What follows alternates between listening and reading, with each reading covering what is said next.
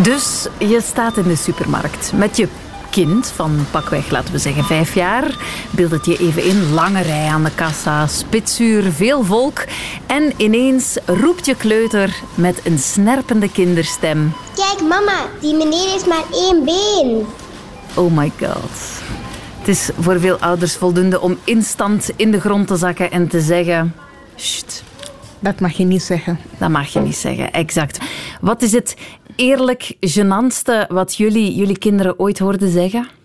Eh, een van de moeilijke dingen die ik zelf heb meegemaakt als kleuterleerkracht dan, is dat we zelfportretten aan het tekenen waren. En een van de kinderen vraagt, ja, juf, geef mij eens het huidskleurpotlood. En ik zeg, ah ja, eh, hier, eh, donkerbruine potlood. Het was een donkerbruin meisje. En zij kijkt me aan en zegt, maar juf... Maar juf, je weet toch, het huidskleurpotlood. Daar bedoelde ze natuurlijk het zalmroze, populairste potloodje van de klas mee. En ik wist oprecht niet wat te doen. Ja. Sarissa? Bij mij was het iets heel anders. Ik had een eh, speelafspraakje geregeld voor mijn zoontje. Ja. eh, met, een, met de zoon van een vriendin. En ik zei, ga jullie maar op jullie gemak spelen. En eh, hij zegt, ja maar mama, ik wil niet- daar niet mee spelen. Hij spreekt niet eens Nederlands. Terwijl dat niet het geval was. Auw. En hij ging gewoon af op kleur. Dat was wel major cringe. Ja. Sst, dat mag je niet zeggen. Dat is een boek van drie schrijfsters en twee daarvan zitten hier in de studio. Eva Dirks, Zarissa Winzak, welkom. Nummer drie, dat is Cato Luiks. Een eh, mooi drietal. Wie zijn jullie en hoe hebben jullie elkaar ontmoet? Yes, eh, ik ben Eva. Eh, ik ben mama van een blonde dochter, drie jaar ondertussen. Minte heet ze. En er is een tweede onderweg. Oh, proficiat. Ja, ja, het is net geweten, dus het eh, leuk nieuws. The word is out bij deze op de nationale radio. Iedereen Geen mag het mooier weten. moment. Eva Dus, is zwanger. Eh, en daarnaast doe ik onderzoek aan App Hogeschool in Antwerpen rond het thema vooral rond sociale rechtvaardigheid, rond genderbewustzijn en antiracisme, vooral bij kleuters. Ehm, daarnaast ben ik ook kleuterleerkracht zelf. En eh, ben ik actief op sociale media, waar ik ook probeer dergelijke kennis te delen onder de naam De Klas van Eva. Oké. En, Ah, eh, jij bent dat? Dat ben ik ik. Ah, ja, oké. ja, ik ken moment. dat. Voilà, dat ben ik ik. Ja. Eh, Zarissa, die kende ik al, want ik volg eh, jouw account van jouw webshop, het is te zeggen. Eh, Cargo Confetti heet Ja. die. Ehm, maar wat moet ik nog meer over jou weten, Sarissa? Ja, ik ben eh, Sarissa. Eh, ik woon nu intussen tijd 13 jaar, denk ik, in België. Ik ben hier naartoe verhuisd voor de liefde. Intussen tijd heb, Geen mooiere reden. intussen tijd heb ik eh, twee zoontjes. Eentje van 8 en 3 en een ander van 3. daarnaast werk ik als communicatiemedewerker bij de antiracistische beweging Kif Kif.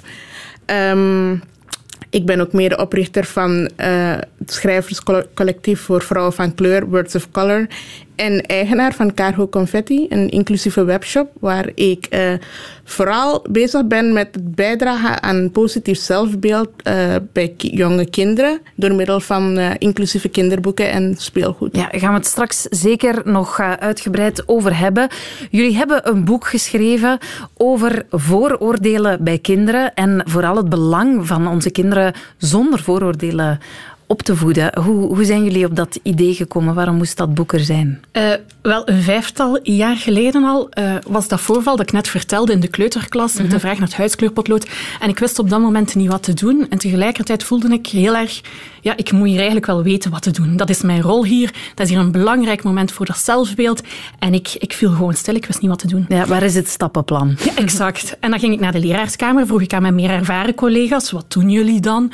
Eh, of hebben jullie ook al dergelijke dingen meegemaakt? En die gaven heel veel voorbeelden. Ehm, maar wat doe je dan? Er werd gezegd, ja, wij zeggen, je mocht dat negeren, je moet daar niet te veel aandacht aan geven. Ehm, vooral eh, doordoen, ja, ze hebben dat thuis gehoord. Zo, dat soort opmerkingen waarvan ik voelde, ja, hier ben ik niet echt iets mee. Ehm, dus dan ben ik gaan opzoeken. En eigenlijk in het Nederlands was er daar op dat moment heel weinig over geschreven, over vooroordelen bij jonge kinderen. Bij oudere kinderen natuurlijk wel.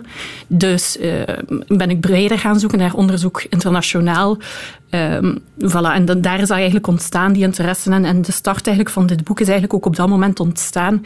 Ehm, En dan concreet, ik had een eerste boek geschreven, Kleuterleerkracht, een, een, naslagwerk voor kleuteronderwijs, waar ook aandacht is voor representatie en genderbewustzijn. En dan, heb ik, ehm, dan voelde ik, ja, er moet meer gezegd worden, er moet meer stappenplan komen. En dan heb ik Zarissa en Cato. Cato is een nauwe, lieve collega van mij, een hele slimme ook. Uh, en dan heb ik ze allebei aangesproken en gevraagd, willen jullie meedoen met dit zotte idee? En die waren heel snel heel enthousiast. Ja, heel snel ja gezegd.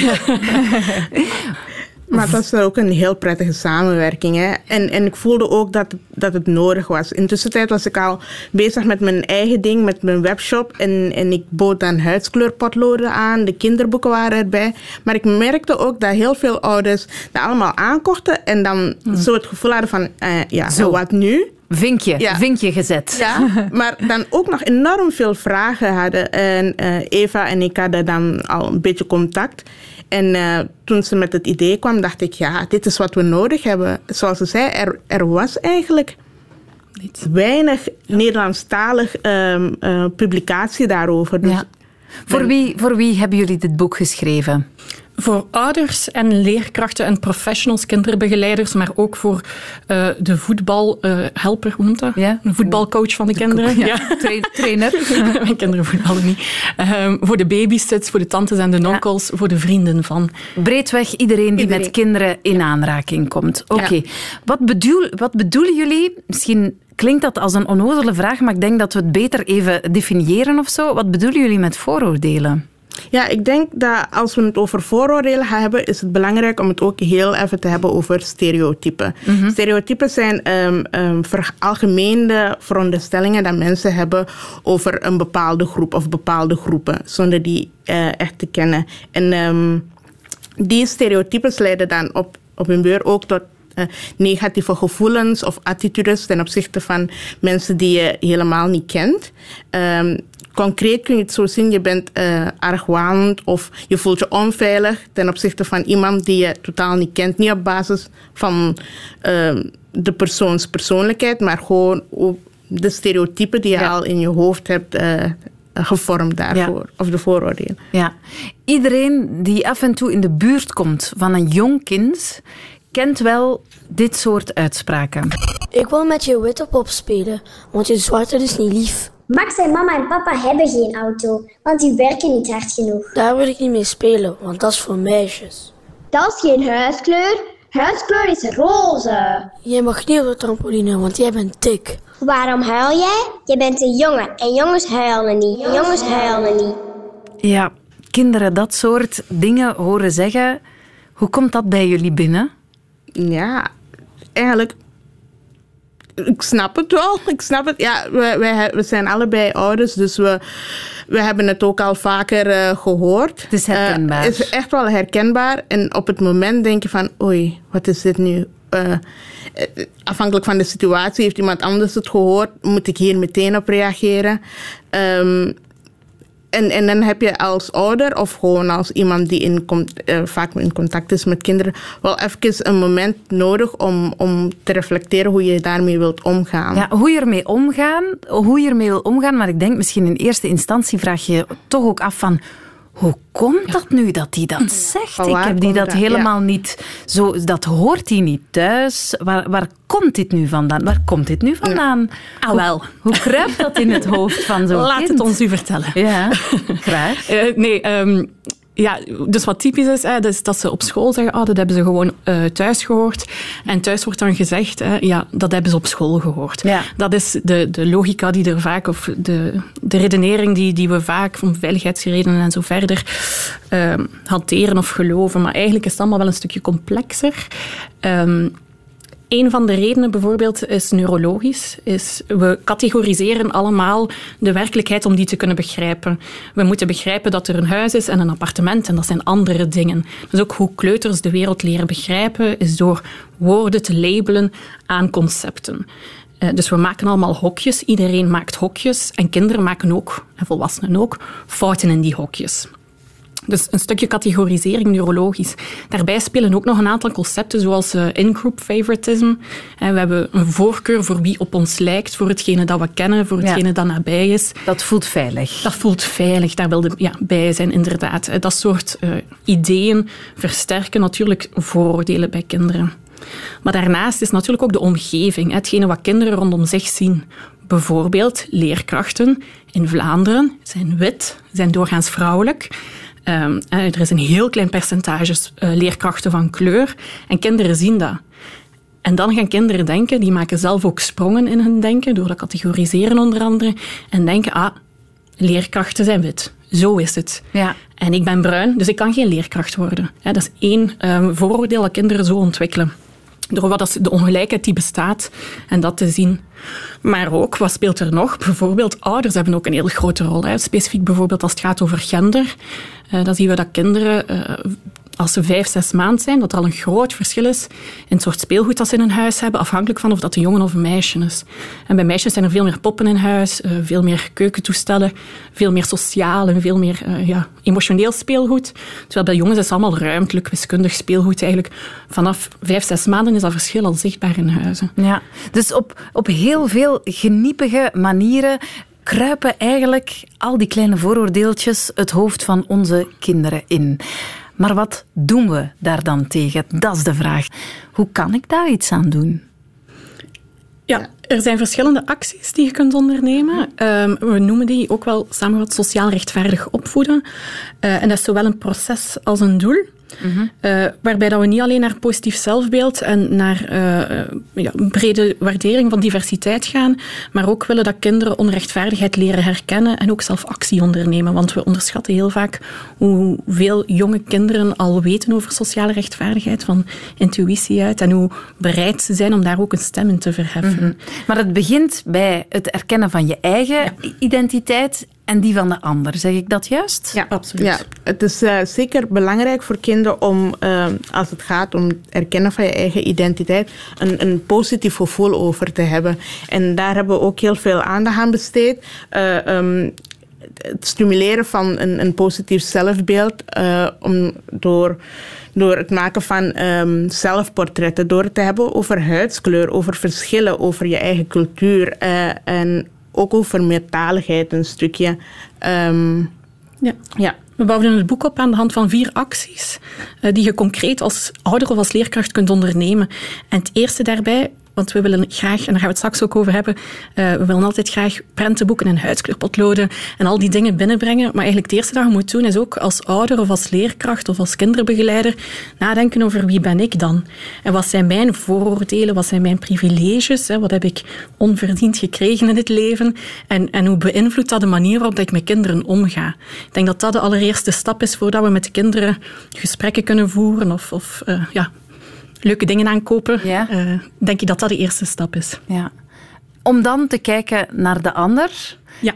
En dan denk ik ook wel gewoon nieuwsgierig te zijn en uh, empathisch. Ja. En ja, daar willen we naartoe hè, uh, met sociaal rechtvaardig opvoeden. Dat, je, um, dat kinderen niet alleen een, goed gevoel hebben over zichzelf, maar ook uh, op hun gemak voelen ten opzichte van anderen. Dat ze gemakkelijker voelen over het sluiten van vriendschappen en ook gewoon respect en empathie hebben naar kinderen die niet op, op hunzelf lijken. Ja. En dat leef je voor uh, en dat toon je voor aan kinderen door als ze vragen stellen niet te zeggen, Sst, dat mag je niet zeggen, maar door dan uh, te luisteren, samen na te denken, ah, is dat zo? Zou dat wel kloppen? Ja, ja. Hoe zouden we dat anders kunnen bedenken? Kunnen we dat misschien opzoeken? Of is er een andere uitleg mogelijk, bijvoorbeeld? Ja. Um, belangrijk, uh, wat, je, wat je zegt ook, hè, en daar wordt meer en meer aandacht aan gegeven, is die representatie. Ja. Ja. Ja, ja. Ja, ja, dat zie je. Dus uh, zeker de laatste jaren zie je dat heel veel in, in kinderboeken. Allee, er is zo al heel veel uh, gesproken over representatie. En dat zien we in de films die uitkomen. In, in de boom aan, aan diverse boeken die de afgelopen jaren zijn uitgekomen, ja. uitgegeven. We spreken daarbij ook wel over spiegels en vensters. En vensters, klopt. Um, het is belangrijk dat elk kind zowel spiegels als vensters krijgt in het leven. En spiegels, dat is een reflectie van uzelf, dat je terugziet in prentenboeken, in posters, in, in films en zo verder. Ja, in speelgoed, in inderdaad Absoluut. tekenfilms, waarin uh, vrouwen ook dokters zijn en mannen ook verplegers. Ja. Uh, witte mensen poetsen. Ja. Maar dat zijn de beelden inderdaad die een bepaald... er zijn maar heel weinig kinderen die spiegels krijgen. Dat zijn de stoere jongens, mm. inderdaad de mannelijke wetenschappers, de witte mannelijke wetenschappers zonder beperking van een bepaalde sociale klasse. Kinderen met een tuin en een eigen slaapkamer. Heeft ook niet iedereen. Zonder beperkingen. Absoluut. Slanke kinderen, Slanke kinderen, ja. Ja, maar een heel beperkt kind. Uh, uh, hoeveelheid van de kinderen krijgt voldoende spiegels om dat zelf, uh, sterk zelfbeeld op te bouwen. Ja. Stel nu dat er cynische mensen zijn die luisteren. Het zou mij verbazen, maar stel nu um, dat er iemand eye-rollend zit te luisteren en denkt van wat een soft gewauwel. Wat voor, wat voor onzin is dit en hoe, hoe kan dit nu belangrijk zijn? Wel, nog niet zo lang geleden zagen we op het internet heel veel reacties passeren van kinderen op de nieuwe, kleine en ook wel zwarte zeemeermin van Disney. Dat klonk zo.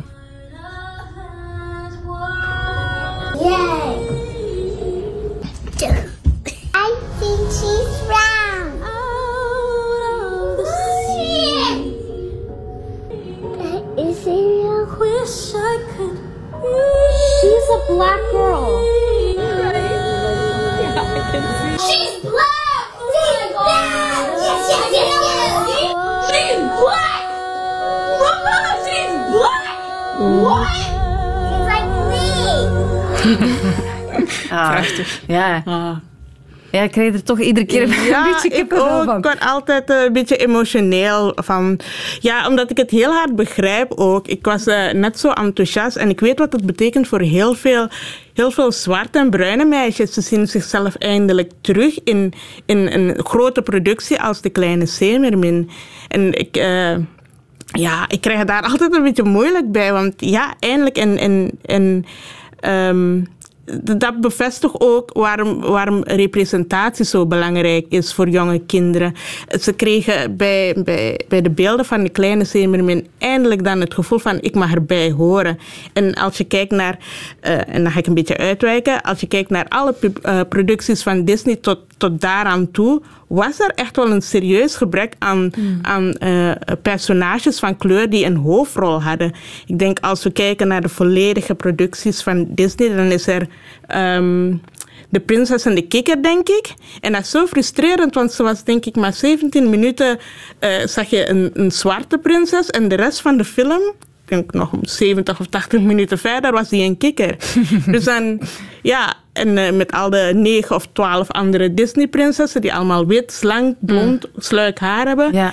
Ja, dat is niet voldoende representatie voor, denk ik, 100 jaar al Disney. Ja, maar er is een, een inhaalbeweging en een bewustzijn dat er wel degelijk is. Uh, ik denk inderdaad, uh, Sarissa, uh, voor, voor jou, voor, voor zwarte mensen absoluut zalig om eindelijk ook eens de heldin te mogen zijn van de film. Voor witte mensen ook een eye-opener, vind ik, om te zien. Omdat wij het altijd evident vonden dat de helden en de prinsessen quasi altijd wit waren. We, we stonden daar nooit bij stil. Nee. Wat een, wat een cadeau wij kregen. Maar ik wil me daarbij ook niet fixeren alleen op huidskleur. Want het, was niet alleen het gebrek aan, aan uh, verschillende huidskleuren dat we kregen op scherm of, of in uh, kinderboeken. Maar het ligt ook wel wat verder dan dat. Uh, nu merk ik bijvoorbeeld ook dat er nog enorm veel boeken ontbreken waar personen met een beperking een hoofdrol hebben. Of dikkere personages. Daar is nog een enorm gebrek aan. En hopelijk gaat het hierna een beetje veranderen. We zullen zien maar um, zou niet alleen kijken naar huidskleur, en dat is eigenlijk ook maar één as. Um, uh, ja, het gaat over zoveel meer.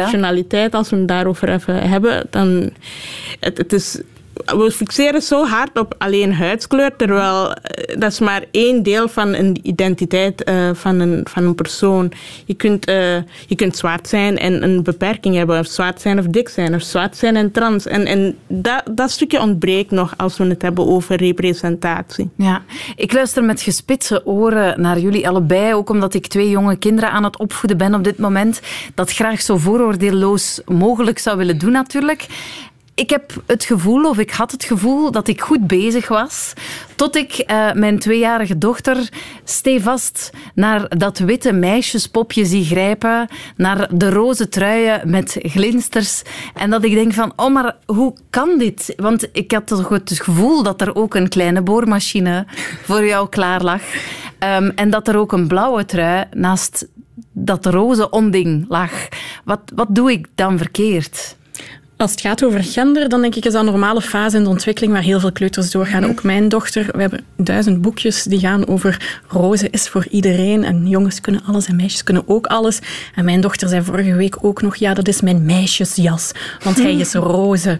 Dat zit allemaal heel diep um, ingebakken en komt er langs allerlei kanten uit. Jij kunt als ouder wel uw invloed meegeven en wel zo veel mogelijk uw best doen en veel contrastereotypes meegeven bijvoorbeeld en tonen hoe het ook anders kan. Maar ze gaan ook naar de kinderopvang of naar de kleuterschool. Ze gaan ook bij de grootouders of de babysit.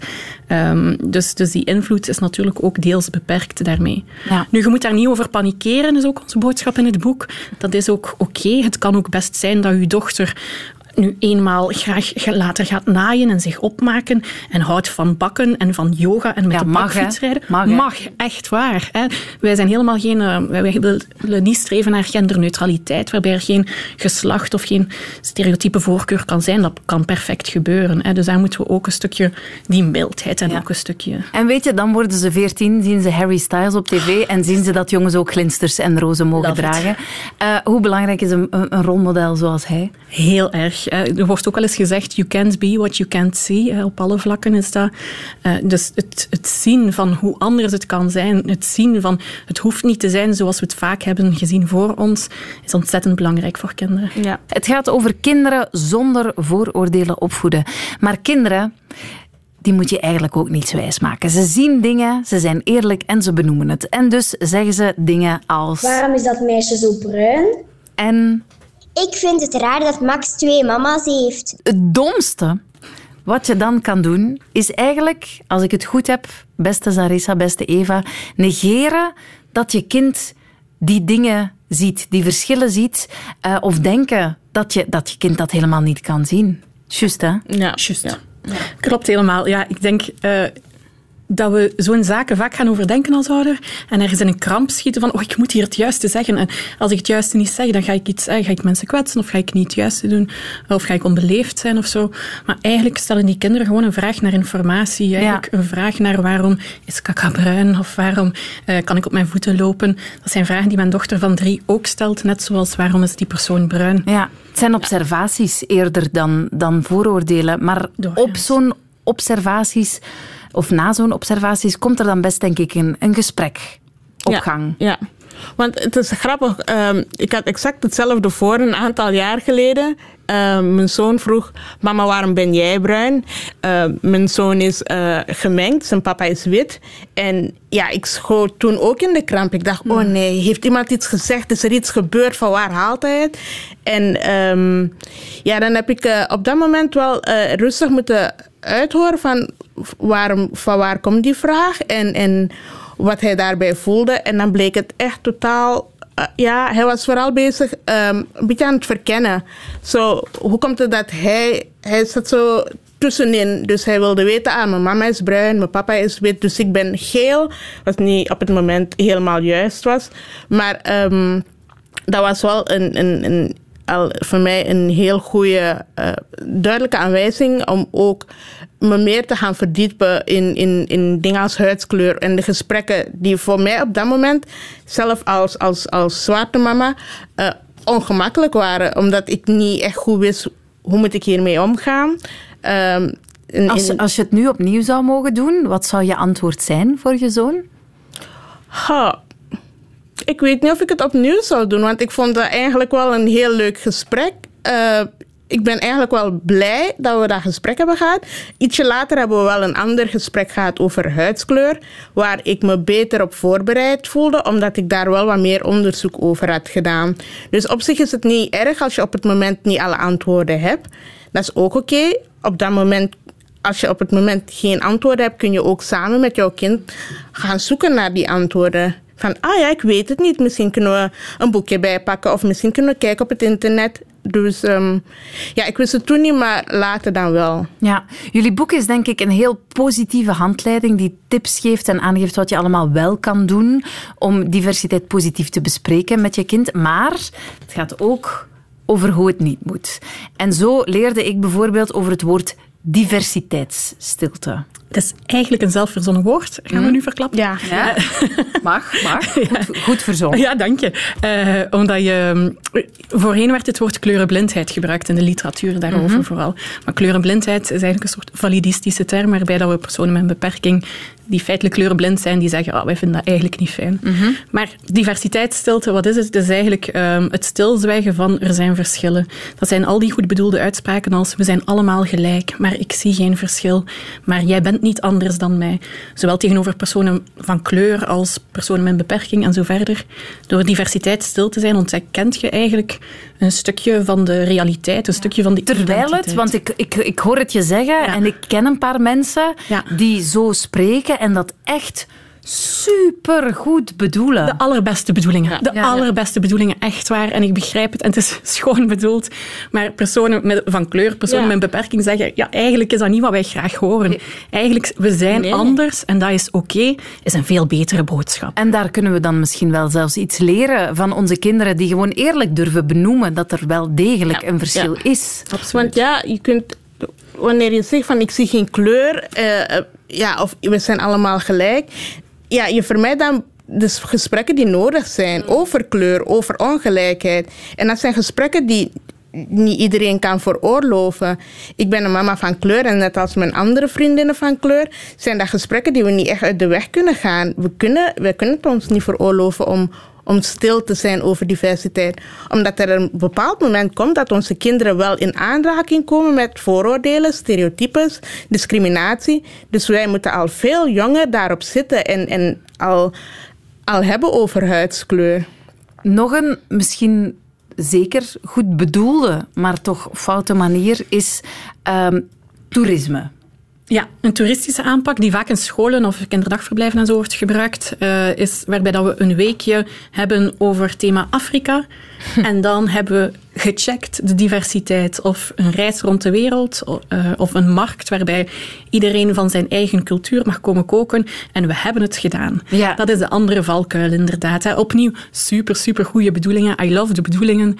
Maar eigenlijk wat we nodig hebben, is dat die gesprekken elke dag gebeuren. Zowel als ouder als als professional. Dat dat niet een onderwerp is, één les, één week, Ja, ja, één dag. De, de, dat- de mama van het Indische jongen, jongetje komt eens Indisch koken, eh, maar voor de rest van het jaar kookt er eigenlijk niemand. Zo is het. Het was eigenlijk gewoon daarvoor. Ja. Terwijl als er een beleid is waarbij dat er verschillende mama's van verschillende afkomsten, achtergronden, culturen komen koken, kan dat daar wel schoon in passen. Ja. dus het is niet dat we dat wil- niet willen, maar wel in een breder geheel. En iets dat gedragen is. Sarissa, Eva, ik vond jullie boek eh, leerrijk. Super interessant als ouder. Ook als eh, mediamaker, zal ik, eh, zal ik dan maar zeggen. Maar bij momenten ook wel ehm, ja, confronterend of een beetje eh, pijnlijk naar mezelf kijkend. Eh, ik moet ook zeggen dat ik een beetje zenuwachtig was dat jullie kwamen. Omdat, omdat ik schrik had van, oh, ga ik, ga ik ehm, wel alles juist zeggen? Ga ik de juiste woorden gebruiken? Ehm, Nee, maar dat is zeker niet de bedoeling Nee, met ons niet boek. doen. En, en ja, we, zijn, we hebben denk ik ook een paar keren vermeld in het boek dat er eigenlijk totaal geen stappenplan is of een kant-en-klare formule voor eh, sociaal rechtvaardig opvoeden. We gaan allemaal fouten maken. Het, is, het zijn ouders. Het, het, het is eigenlijk een beetje gegeven. En Ja. als dat ook gebeurt bij het sociaal rechtvaardig opvoeden, is het vooral de boodschap om heel mild te zijn naar jezelf toe. Eh, en je kunt het ook allemaal terugredden. ja. Dus, ja. Ja, dus eh, fouten maken mag. Moet bijna. Ja, Oké, moet. goed. Ehm, en hoe, hoe, hoe is dan de, op een, op fouten, een fout? Als, stel, ik maak een fout. Hoe reageer je dan het, het best? Ja, als ik een fout maak en dan is dat gewoon persoonlijk leven, dan geef ik het gewoon toe en zeg, ah ja, ik had het even mis, maar we kunnen het samen opzoeken en zien hoe het wel moet of hoe we het wel kunnen oplossen. Ja. Ehm, ja, Eva, jij, jij een tipje? Een tip voor, voor als ik het zelf verpest. Eh, Ja? ehm, ja, ik denk inderdaad het, eh, het luidop ook zeggen tegen de kinderen van oei, ja, ik was echt fout. En ik denk dat dat een belangrijke is die we misschien pas deze generatie beginnen maken. Zo. Ah, ja. Ja. De, oei, eh, mama had, eh, heeft Mama, mama had gezegd. even ongelijk, ja, Ja, maar ja. we leren bij. Ja, maar zeker niet panikeren en zeker niet... ehm allee, ook het boek is zeker niet bedoeld om te zeggen dit is hoe het moet en anders... eh allee, het is grotendeels gebaseerd op fouten die we zelf hebben gemaakt, op, eh, op mislukkingen en de zoektocht en het, het eeuwige zoeken. En dat is nu nog altijd dat ik moet nadenken en twijfelen en zuchten hoort er een beetje bij. Maar wel belangrijke verantwoordelijkheid ook, ja. Ja, die fouten zullen we ongetwijfeld nog maken, maar zolang we erover kunnen spreken met onze kinderen, komt het wel goed. Ja, ja ik denk dat eh, het boek eigenlijk, ondanks de titel, daarover gaat. Hè. Een uitnodiging tot spreken in tijden dat er wordt gezegd dat we allemaal niks meer mogen zeggen. Mogen we eigenlijk heel veel zeggen. We mogen heel veel spreken Ja. met elkaar. Maar eh, ja, ik vermoed ook eh, dat, er, dat er dan luisteren bij komt, logischerwijs. Ehm, wat ik ook onthoud, ehm, je hoeft als ouder niet te wachten tot je kind zelf komt met vragen. Nee. Bij diversiteit. Je mag het zelf wel initiëren. Ja, zeker. Want zoals je in het begin van het boek zult zien, eh, ontwikkelen vooroordelen bij bijna alle kinderen al heel vroeg. Al rond twee, drie jaar beginnen die vooroordelen te ontwikkelen. Of dat ze die nu uiten of niet. Ook als ze die niet luidop uitspreken, dan nog ontwikkelen die. Dus het is belangrijk om daar expliciet tegenin te gaan. Expliciet die contrast, stereotypes te tonen. Maar ook die gesprekken open en bloot te voeren. En zelf ook aan te duiden. Ja, kijk, ik heb een andere huid. Of kijk, eh, die... Ja, die dat te normaliseren ook van de diversiteit die er is rondom ons. Ik heb jullie gevraagd om eens na te denken over een goede tip of een goede activiteit om samen met jonge kinderen op een, op een toffe manier te hebben of na te denken over diversiteit. Ja, voor mij is het, eh, en ik denk dat ik het daarover ook al heb gehad, was het eh, eerste gesprek over huidskleur dat ik had met mijn zoon. Eh, zo de oefening met de huidskleurpotloden. Welke, welke huidskleur is die van jou? En zullen we een zelfportret maken? En, en dan is dat wel verder gegroeid naar, zullen we samen een, een stamboom maken? Omdat onze familie zo gemixt is, dan leerde hij ook een stukje van zijn afkomst. Dus dat zijn leuke manieren om al... een stukje diversiteit en verschillende gezinsvormen ook eh, te sprake te brengen. Ja, ja, ja. Eh, die huidskleurpotloden, echt eh, een aanrader. Te koop ook op jouw webshop, Ja, Cargo ja. Confetti, eh, allen daarheen. Eh, met dan uiteraard ook het eh, gesprek, hè, want het mag niet stoppen bij de tekening alleen. Voer het gesprek ook. Eh, zie het als een uitnodiging om er even over te babbelen. Eva? Ehm, ik ben even... eh, in de war. Ben, je bent even zwanger. Dat is niet erg. Je bent even zwanger en in de war. Dat hoort er nu eenmaal bij. Oh nee, mag ik het nog zeggen? Ja, sorry. Ehm, in de kleuterklas, wat ik een heel toffe activiteit vind, is als eh, leerkracht kun je je prentenboeken analyseren en kijken wie wordt er getoond en wie wordt er niet getoond. Maar leuker nog is om dat samen met de kinderen te doen. En samen te gaan kijken wie herkent zich hier nu niet in en wie wordt er niet getoond en wie wordt er wel getoond. Ja. En dan huidskleur, maar ook beperkingen, eh, ja, lichaamsgewicht, gezinsvormen en zo verder. Kijk goed, lieve dames, ik wens jullie. ehm, nee, ik wens jullie eigenlijk niks. Ik wens heel veel mensen jullie boek. Dat is misschien nog belangrijker, want ik kan mij voorstellen dat het voor heel wat ouders en leerkrachten een heel interessante en mooie leidraad kan zijn. Een, eh, een waardevol werkstuk. Dank je wel daarvoor, Sarissa Winstak en eh, Eva Dirks. Heel erg bedankt.